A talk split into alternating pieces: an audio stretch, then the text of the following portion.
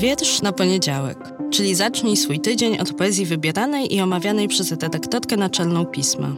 Nazywam się Magdalena Kicińska i zapraszam do słuchania podcastu.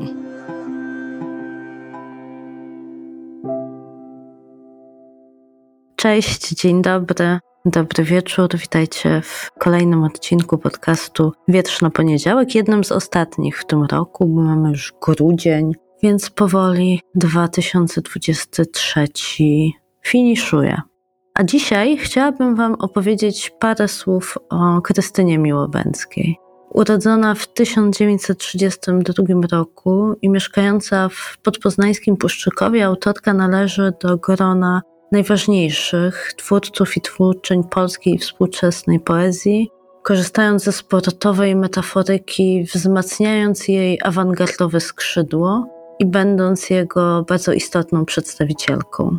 Zadebiutowała cyklem Anaglify w 1960 roku, ale chyba jej najważniejsze tomy ukazały się dużo później. To Imię Słowy sprzed 23 lat, Wszystko wiersze z też już ponad dwóch dekad oraz Pokrzyku, książka z 2004 roku, bardzo ważna, bardzo Wam polecam. Jeżeli mielibyście zacząć czytać Miłobęcką, to osobiście uważam, że od Pokrzyku dobrze jest zacząć.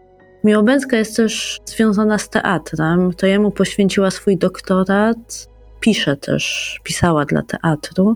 A 10 lat temu za całokształt twórczości otrzymała Wrocławską Nagrodę Poetycką Silesius, więc jak trochę do nieoficjalnego Silesiusowego kącika dzisiaj wracam. A pretekstem w ogóle do powrotu do tej poetki jest wydanie specjalne pisma, które niedawno ukazało się i które bardzo Wam polecam. Tym razem Katarzyna Kazimierowska, która jest redaktorką inicjującą, pomysłodawczynią, opiekunką tego wydania specjalnego, tak jak i wszystkich poprzednich, zwróciła uwagę na literackie i pozaliterackie spojrzenia na wielki temat, na zbrodnię i karę. W tym najnowszym numerze specjalnym znalazł się też wiersz poetki, ale to nie pierwszy raz, kiedy Miłobęcka pojawiła się na pismowych łamach, bo po raz pierwszy stało się to w 2018 roku. Krystyna Miłobęcka Mały traktat o wyobraźni. Najpierw są lepkie kule wysunięte na prętach. Tamto nieświadome zbliża się powoli. Widzi, więc nie wie. Jest zmniejszone i załamane w kulach wiele razy. Proces się rozpoczął.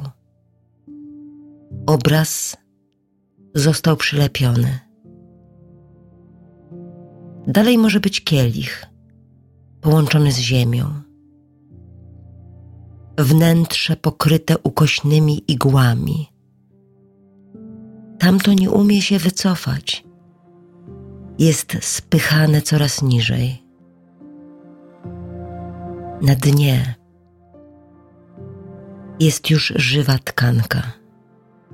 Wystarczy dotknięcie jednego nerwu, żeby było za późno ciało zamyka ciało. Mięsożerny kwiat, zupełnie mała pułapka, z której zaczyna się życie. Ponownie na naszych łamach jej tekst opublikowaliśmy trzy lata temu i przyznam, że to chyba jeden z moich ulubionych jej wierszy. Krystyna Miłobęcka Pobyt mój taki piskliwy w nieustannym głosie. Czyta Magdalena Celmer. To, co zasiałam, teraz boli wzeszłe przede mną. To, co płakałam, coraz więcej pustych krzeseł. Moje wysokie do mamy, na mleku puste. To, co osiadłam, to zabrane zwierzętom, to zabrane roślinom Huczna spiżarnia, a wszystkiego mało, żeby dojść smaku. To, co dorosłam, dziecinnieje.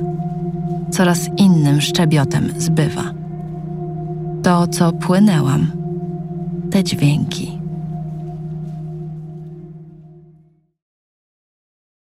A tym razem, jak już mówiłam, jej poezja wzbogaca wydanie specjalne i też je zamyka, bo znajduje się na ostatniej stronie papierowego wydania.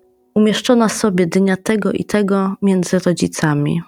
Tak zatytułowany jest ten wiersz. Trzeci wiersz w tym odcinku Krystyny Miłobęckiej, tym razem w mojej interpretacji. Trzymajcie się ciepło i czytajcie Miłobęcką.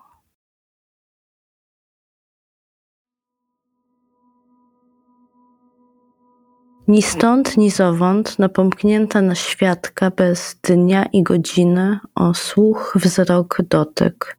Moje, moje to samo naoczne po tylu zmarszczkach. Więc jesteś duża, więc jesteś mała. Dwie krople wody. W jadalni chód tamtejszy, ja na furkocie bielizny, bielinek przysiadł, a tu niżej i już biało Gdzieś mnie niosą ćwierkającą, zaćwierkaną tu, tu, ja, ja, to nie pamięć, tylko dyszący motyl, motor, turkot walczy o mnie, którą uchyla się, dopóki żywa.